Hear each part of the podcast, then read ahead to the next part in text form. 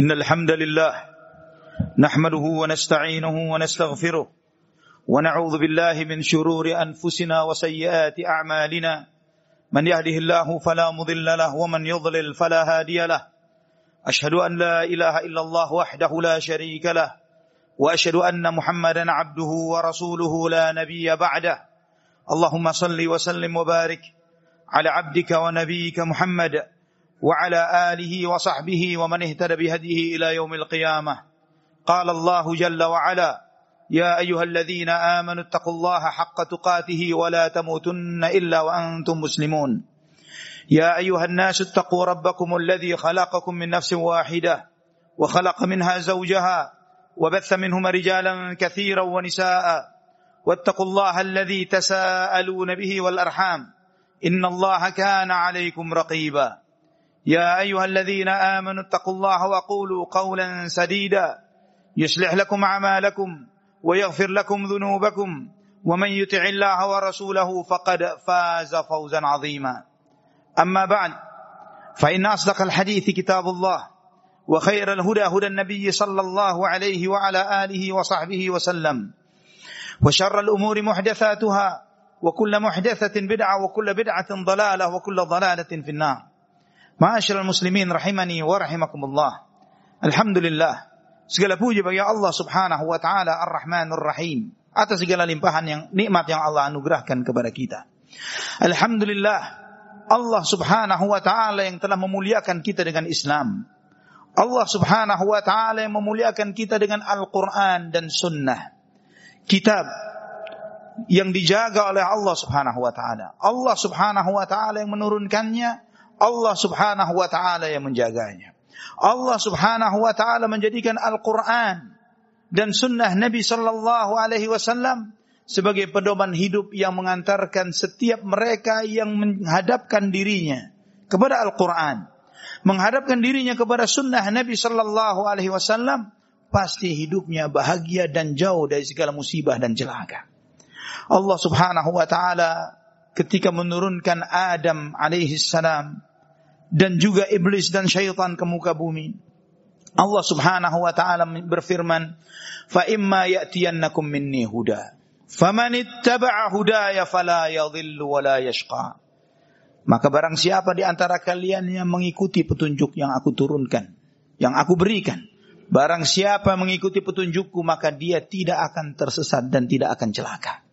Artinya dia berada di jalan yang lurus dan jauh dari musibah dan celaka artinya dia selalu bahagia. Wa man an dzikri fa inna lahu ma'isyatan. Dan sebaliknya yang berpaling dari peringatanku, berpaling dari Quran, berpaling dari sunnah Nabi sallallahu alaihi wasallam, maka sesungguhnya dengan takkid penegasan dari Allah Subhanahu wa taala, fa inna lahu ma'isyatan. Baginya kehidupan yang sempit. Sempitnya hidup yang dirasakan oleh mayoritas manusia saat ini yang mereka kita semuanya hidup di zaman yang dengan fasilitas yang tidak pernah dirasakan dan dialami oleh sejarah peradaban manusia sejak zaman Adam sampai hari ini. Tapi kegalauan, stres dan yang lain sebagainya segala penyakit-penyakit kejiwaan dengan segala jenisnya ini adalah akibat sebagian besar manusia berpaling dari peringatan Allah Subhanahu wa taala. Yang Allah telah tegaskan Taha ma anzalna 'alaikal qur'ana litashqa. Taha tidaklah aku turunkan Al-Qur'an kepadamu wahai Muhammad supaya kamu celaka. Al-Qur'an ini petunjuk bagi manusia. Al-Qur'an ini mengantarkan manusia untuk membuat menjadikan hidupnya menjadi lebih baik. Allah Subhanahu wa taala berfirman dalam surat An-Nahl man amila salihan min dzakarin aw untha wa huwa mu'minun falanuhyiyannahu hayatan thayyibah wa lanajziyannahum ajrahum bi ahsani.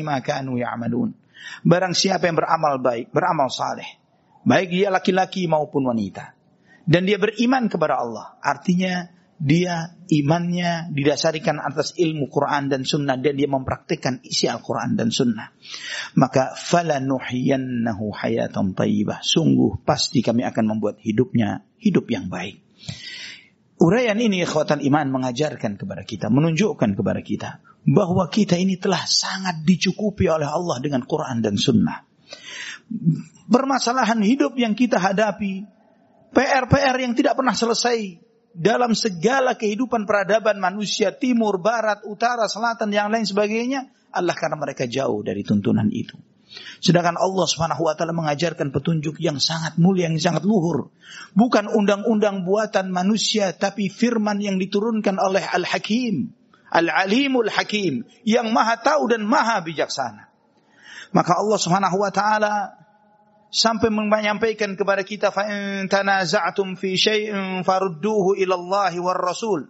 Dzalika khairun wa ahsanu ta'wila. Jika kamu berselisih tentang sesuatu, kembalikan kepada Al-Quran, kepada Allah, kepada Rasul, kepada sunnah Nabi Sallallahu Alaihi Wasallam. Itu adalah lebih baik dan akan lebih baik lagi akibatnya. Kembali kepada Quran dan sunnah ketika kita menghadapi suatu permasalahan, baik permasalahan personal kita, permasalahan sosial dan yang lain sebagainya. Dan kemudian kita merujuk kepada Quran dan Sunnah akan terselesaikan banyak permasalahan kehidupan kita.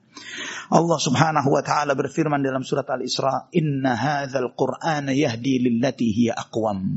Sesungguhnya Al-Quran ini memberikan petunjuk kepada petunjuk yang paling lurus, yang paling benar, yang paling baik. Ada salah seorang ahli tafsir kontemporer dari kalangan kaum muslimin, Syekh Muhammad Al-Amin Asy-Syanqiti rahmatullah alaihi rahimahullah. Dalam kitab Adwaul Bayan fi Idahil Qur'an bil Qur'an, beliau menjelaskan satu ayat ini dalam tidak kurang dari 300 halaman. Beliau membandingkan undang-undang buatan dunia internasional dengan syariat Al-Qur'anul Karim dalam segala aspeknya. Dari sisi akidah, akhlak, kehidupan sosial, dalam segala aturan yang berlaku di muka bumi, beliau bandingkan bagaimana syariat Allah, bagaimana buatan barat, bagaimana buatan timur, bagaimana begini dan begitu dan sebagainya. Dalam 300 halaman. Dan menyerahkan kepada pembaca silahkan. Mana yang paling lurus dari segala aturan ini. Subhanallah. Kita sangat dicukupi oleh Allah subhanahu wa ta'ala. Allah subhanahu wa ta'ala menegaskan tentang Al-Quran. Wa innahu lakitabun aziz. لا يأتيه الباطل من بين يديه ولا من خلفه تنزيل من حكيم حميد Allah subhanahu wa ta'ala menyebutkan bahwa inilah Al-Quran adalah sebuah kitab yang mulia. Yang kebatilan itu syaitan itu tidak akan bisa menghampirinya dari depan maupun belakangnya. Kitab suci yang diturunkan dari yang maha terpuji dan yang maha bijaksana dan maha terpuji. Ikhwatal iman, rahimani wa rahimakumullah. Maka Allah subhanahu wa ta'ala menjadikan standar kebenaran iman seseorang seberapa besar dia menghadapkan dirinya kepada Al-Quran dan Sunnah.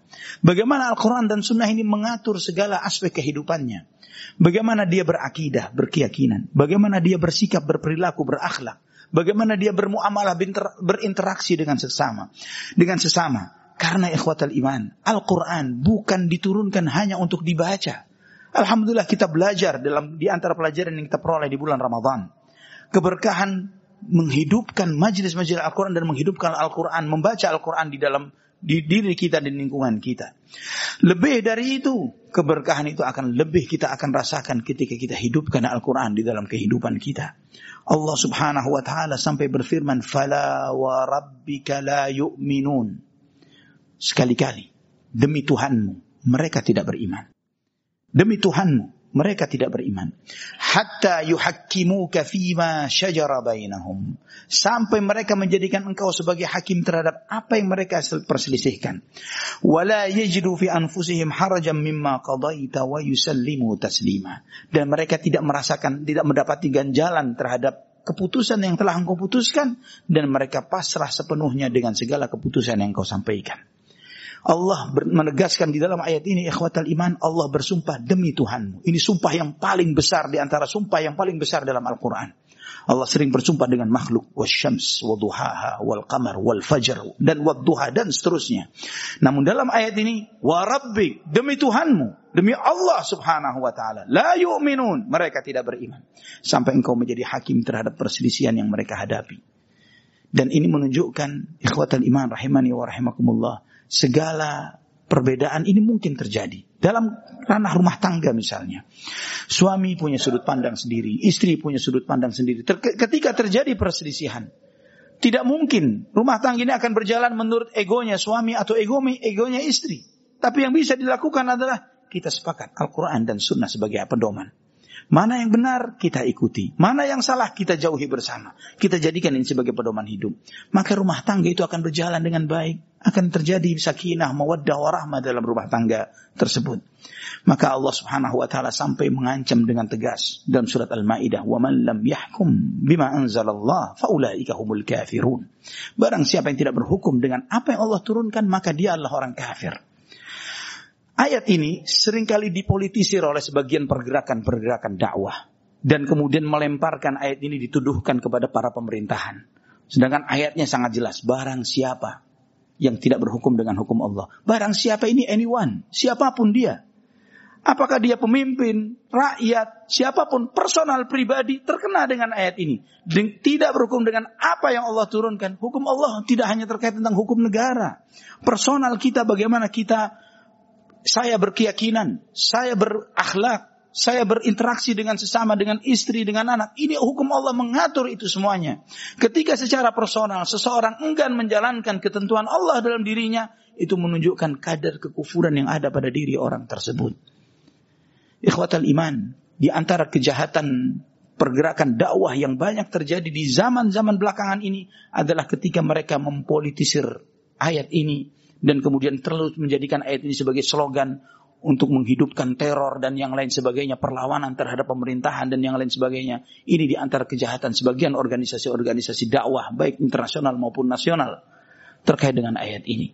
Sedangkan ayat ini sebagaimana dipahami oleh para ulama, jika engkau mengharapkan masyarakat Islami, tegakkan pada dirimu.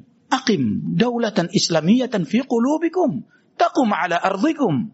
Tegakkan hukum Islam itu pada dirimu, maka masyarakatmu akan tumbuh dalam keadaan seperti itu. Dan ikhwatal iman, rahimani wa rahimakumullah. Allah Subhanahu Subhanahu wa taala juga menegaskan, "Wa ma kana lil mu'minin wa la mu'minatin idza qadallahu wa rasuluhu wa rasuluhu amran."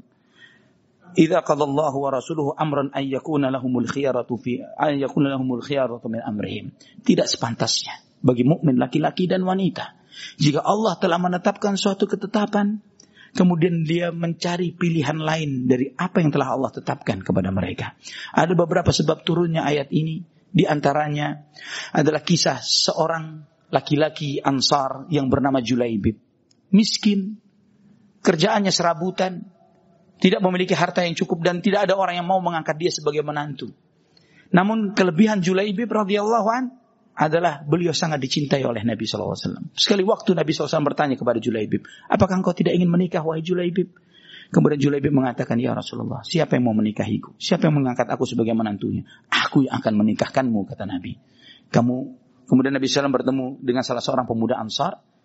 Nabi SAW menyampaikan, aku melamar putrimu. Dikiranya, lelaki Ansar ini mengira putrinya dilamar oleh Nabi SAW. Maka dengan senang hati, ahlan wa sahlan, saya akan bahagia engkau menjadi menantuku ya Rasulullah. Tapi Nabi SAW mengatakan bukan untukku. Untuk siapa? Untuk Julaibib. Julaibib ya Rasulullah. Asalnya sahabat Ansar ini ingin menolak. Tapi beliau mengatakan, ya Rasulullah, izinkan saya bicara dengan ibunya putri kami. Baik, diizinkan pulang. Ketika pulang, bicara kepada istrinya, wahai istriku, Nabi SAW melamar putri kita. Alhamdulillah putri kita dilamar oleh Nabi. Akan menjadi mertua Rasulullah. Jaminan surga. Namun kata laki ini. Tapi bukan untuk Nabi. Untuk siapa? Julaibib. Julaibib. Julaibib si serabutan ini. Julaibib si miskin. Julaibib. Julaibib. Iya. Tidak akan kami berikan kepada Julaibib. Terjadi perdebatan suami istri. Sang putri pun mendengar. Dia keluar dari kamarnya dan mengatakan, wahai ayahku, wahai ibuku, apa yang kalian perdebatkan? Kamu dilamar oleh Nabi SAW untuk Julaibib. Dan kami akan menolaknya. Maka sang putri pun menyatakan, wahai ayahku, wahai ibuku, apa kalian tidak takut jika kalian menolak lamaran Rasulullah SAW, pilihan Nabi SAW? Saya pribadi, saya akan terima pilihan Nabi SAW dan saya yakin tidak akan disia-siakan oleh Allah Subhanahu Wa Taala. Jangan tolak, terima. Akhirnya diterima. Dan subhanallah, Akhir cerita Julaibib radhiyallahu an mati syahid di jalan Allah dan Nabi SAW menyebutkan ketika memangku jasadnya anta minni wa ana minka ya Julaibib dan Nabi SAW dan kitab-kitab sirah menyebutkan bagaimana wanita ini menjadi di antara wanita yang paling berkah dan paling kaya di kota Madinah. Ingat ikhwatal iman, dekat dengan Allah tidak akan pernah sial. pasti akan selalu untung dunia dan akhirat. Aku lu qauli hadza fastaghfirullah li huwal ghafurur rahim. Alhamdulillah wassalatu wassalamu ala Rasulillah wa ala alihi wa sahbihi wa man wala. Ikhwatal iman rahimani wa rahimakumullah. Di dalam sahih Muslim disebutkan riwayat ketika turunnya firman Allah Subhanahu wa taala di akhir-akhir surat Al-Baqarah. Lillahi ma fis samawati wa ma fil ard. Wa in tubdu ma fi anfusikum aw tukhfuhu yuhasibukum bihi Allah. Fayaghfiru liman yasha wa yu'adzibu man yasha. Wallahu ala kulli syai'in qadir. Milik Allah lah segala sesuatu yang di langit dan di bumi. Dan andai kata kamu tampakkan apa yang ada di dalam dirimu. Atau kamu sembunyikan. Semuanya akan dihisap oleh Allah subhanahu wa ta'ala. Dan Allah mengampuni siapa yang Allah kehendaki. Allah mengazab siapa yang Allah kehendaki. Dan Allah maha kuasa atas segala sesuatu. Ketika turun ayat ini. Para sahabat sangat galau. Sangat gelisah. Mereka pun kemudian mendatangi Nabi Shallallahu Alaihi Wasallam. Mereka bersimpuh di hadapan Nabi Shallallahu Alaihi Wasallam dan mereka mengatakan ya Rasulullah, kami diberi syariat oleh Allah, diperintahkan oleh Allah dengan syariat-syariat yang kami sanggup untuk menjalankannya. Salat, puasa, jihad, kami amalkan, sedekah, kami amalkan ya Rasulullah. Namun ayat ini kami nggak sanggup mengamalkannya ya Rasulullah. Wa in tubdu ma fi anfusikum au tukhfuhu yuhasibkum bihillah. Segala yang kamu tampakkan, segala yang kamu sembunyikan dalam hatimu akan diaudit dan dihisap oleh Allah. Walaupun bisikan-bisikan hati. Berat ya Rasulullah. Gak ada yang selamat bagi kita semuanya jika itu ditegakkan oleh Allah Subhanahu wa taala. Para sahabat menyampaikan seperti itu. Apa jawaban Nabi Shallallahu alaihi wasallam? Beliau SAW menyampaikan, "Aturiduna an taqulu kama yaqulu ahlul kitab min qablikum sami'na wa asayna?" Apa kalian akan bersikap seperti sikapnya orang-orang ahlul kitab sebelum kalian? Kami dengar dan kami maksiat, kami tidak mau taat. Balqulu, ucapkanlah. Sami'na wa ata'na ghufranaka rabbana wa ilaikal masir. Ucapkan itu kata Nabi wasallam. Maka para sahabat pun sahabat pun dengan mengucapkan sami'na wa ata'na ghufranaka rabbana wa ilaikal masir. Mereka mengucapkan itu terus diucapkan dalam lisan mereka sambil merasa berat dengan ayat yang baru saja mereka terima ini. Dan maka Allah Subhanahu wa taala pun menurunkan dua ayat terakhir dari surat Al-Baqarah. Amana ar-rasulu bima unzila ilaihi min rabbih wal mu'minun. Kullun amana billahi wa malaikatihi wa rusulih. La nufarriqu baina ahadin min rusulih. Wa qalu sami'na wa ata'na ghufranaka rabbana wa ilaikal masir. Allah sebutkan mereka sebagai orang-orang beriman. Allah puji dan Allah langgengkan statement mereka ini di dalam ayat yang kita baca sampai akhir zaman dan merupakan ayat terbaik di dalam Al-Quran. Dan ketika mereka mengikrarkan sami'na wa ata'na ghufranaka rabbana wa ilaikal masir. Kami dengar ya Allah, kami taati ya Allah, ampunanmu ya Allah kami, kami karena kami tidak akan sanggup dan karena kami semuanya akan kembali kepadamu. Allah tambahkan lagi La yukallifullahu nafsan illa wus'aha. Allah tidak akan membebani seseorang kecuali apa yang mereka sanggup. Laha ma kasabat wa 'alaiha maktasabat. Rabbana la tu'akhidna in nasina aw akhtana. Bagi mereka apa yang mereka perbuat dari kebaikan dan mereka akan menanggung dosa dari apa yang mereka perbuat. Jadi bukan apa yang ada di dalam hati. Kemudian Allah ajarkan, ya Allah, jangan engkau hukum kami jika kami melakukan dosa karena kami lupa atau karena kami tidak sengaja. Allah menjawab, "Na'am." Allah menjawab, "Na'am, aku kabulkan permohonanmu." Rabbana la tahmil alaina isran kama hamaltahu 'ala alladhina min qablina. Ya Allah, jangan engkau pikulkan kepada kami beban belenggu sebagaimana belenggu yang membebani orang-orang yang hidup sebelum kami. Dan Allah menjawab, "Na'am, aku kabulkan." Kemudian kita membaca Rabbana wala wala tuhammilna ma la taqata lana wala ta, wala tuhammilna ma la taqata bih ma la taqata lana. Ya Allah jangan engkau pikulkan kepada kami beban yang kami tidak sanggup memikulnya. Dan Allah Subhanahu wa taala menjawab, "Na'am, aku kabulkan." Wa'fu anna waghfir lana warhamna anta maulana fansurna 'alal qaumil kafirin. Ya Allah, maafkan kami, ampuni kami, sayangi kami ya Allah Engkaulah penolong dan pelindung kami. Tolonglah kami dari orang-orang kafir. Dan Allah menjawab, Naam, aku kabulkan. Inilah ikhwatal iman. Allah subhanahu wa ta'ala al-alim al-hakim. Maha mengetahui dan maha bijaksana. Allah subhanahu wa ta'ala tidak akan memikulkan kepada kita suatu beban yang kita tidak sanggup memikulnya. Dan ingat, syariat ini menghidupkan. Bukan membinasakan. Syariat ini membuat kita ini hidup kita lebih nyaman dan baik. Tanya kepada mereka-mereka yang menjalani kehidupan mereka dengan Al-Quran dan Sunnah. Apakah mereka semakin susah? Apakah mereka semakin menderita? Dan tanya kepada mereka-mereka yang jauh kepada Quran dan Sunnah. Bagaimana hati mereka? Bagaimana kehidupan mereka? Bagaimana rumah tangga mereka? Cukup ini sebagai bukti yang buktikan membuat kita berupaya untuk selalu kembali kepada kitabullah dan sunnah Nabi Sallallahu Alaihi Wasallam. Marilah kita berdoa memohon kepada Allah Subhanahu wa taala untuk selalu dimudahkan mendekat kepada Al-Qur'an dan sunnah dan menghidupkannya di dalam kehidupan kita. Allahumma salli wa sallim wa barik ala abdika wa nabiyyika Muhammad. Allahumma ighfir lil muslimina wal muslimat wal mu'minina wal mu'minat al ahya'i minhum wal amwat. Allahumma arinal haqqa haqqa warzuqna ittiba'ah وأرنا الباطل باطلا وارزقنا اجتنابه. اللهم أصلح لنا ديننا الذي هو عصمة أمرنا وأصلح لنا دنيانا التي فيها معاشنا وأصلح لنا آخرتنا التي إليها معادنا. واجعل الحياة زيادة لنا في كل خير واجعل الموت راحة لنا من كل شر. ربنا اغفر لنا ولوالدينا وارحمهما كما ربونا صغارا. ربنا اغفر لنا ولإخواننا الذين سبقونا بالإيمان. ولا تجعل في قلوبنا غلا للذين آمنوا. ربنا إنك رؤوف رحيم. ربنا اغفر لنا. ربنا هب لنا من أزواجنا وذرياتنا قرة أعين واجعلنا للمتقين إماما. ربنا آتنا في الدنيا حسنة وفي الآخرة حسنة وقنا عذاب النار. وصلى الله على عبدك ونبيك محمد وعلى آله وصحبه وسلم. والحمد لله رب العالمين. أقم الصلاة.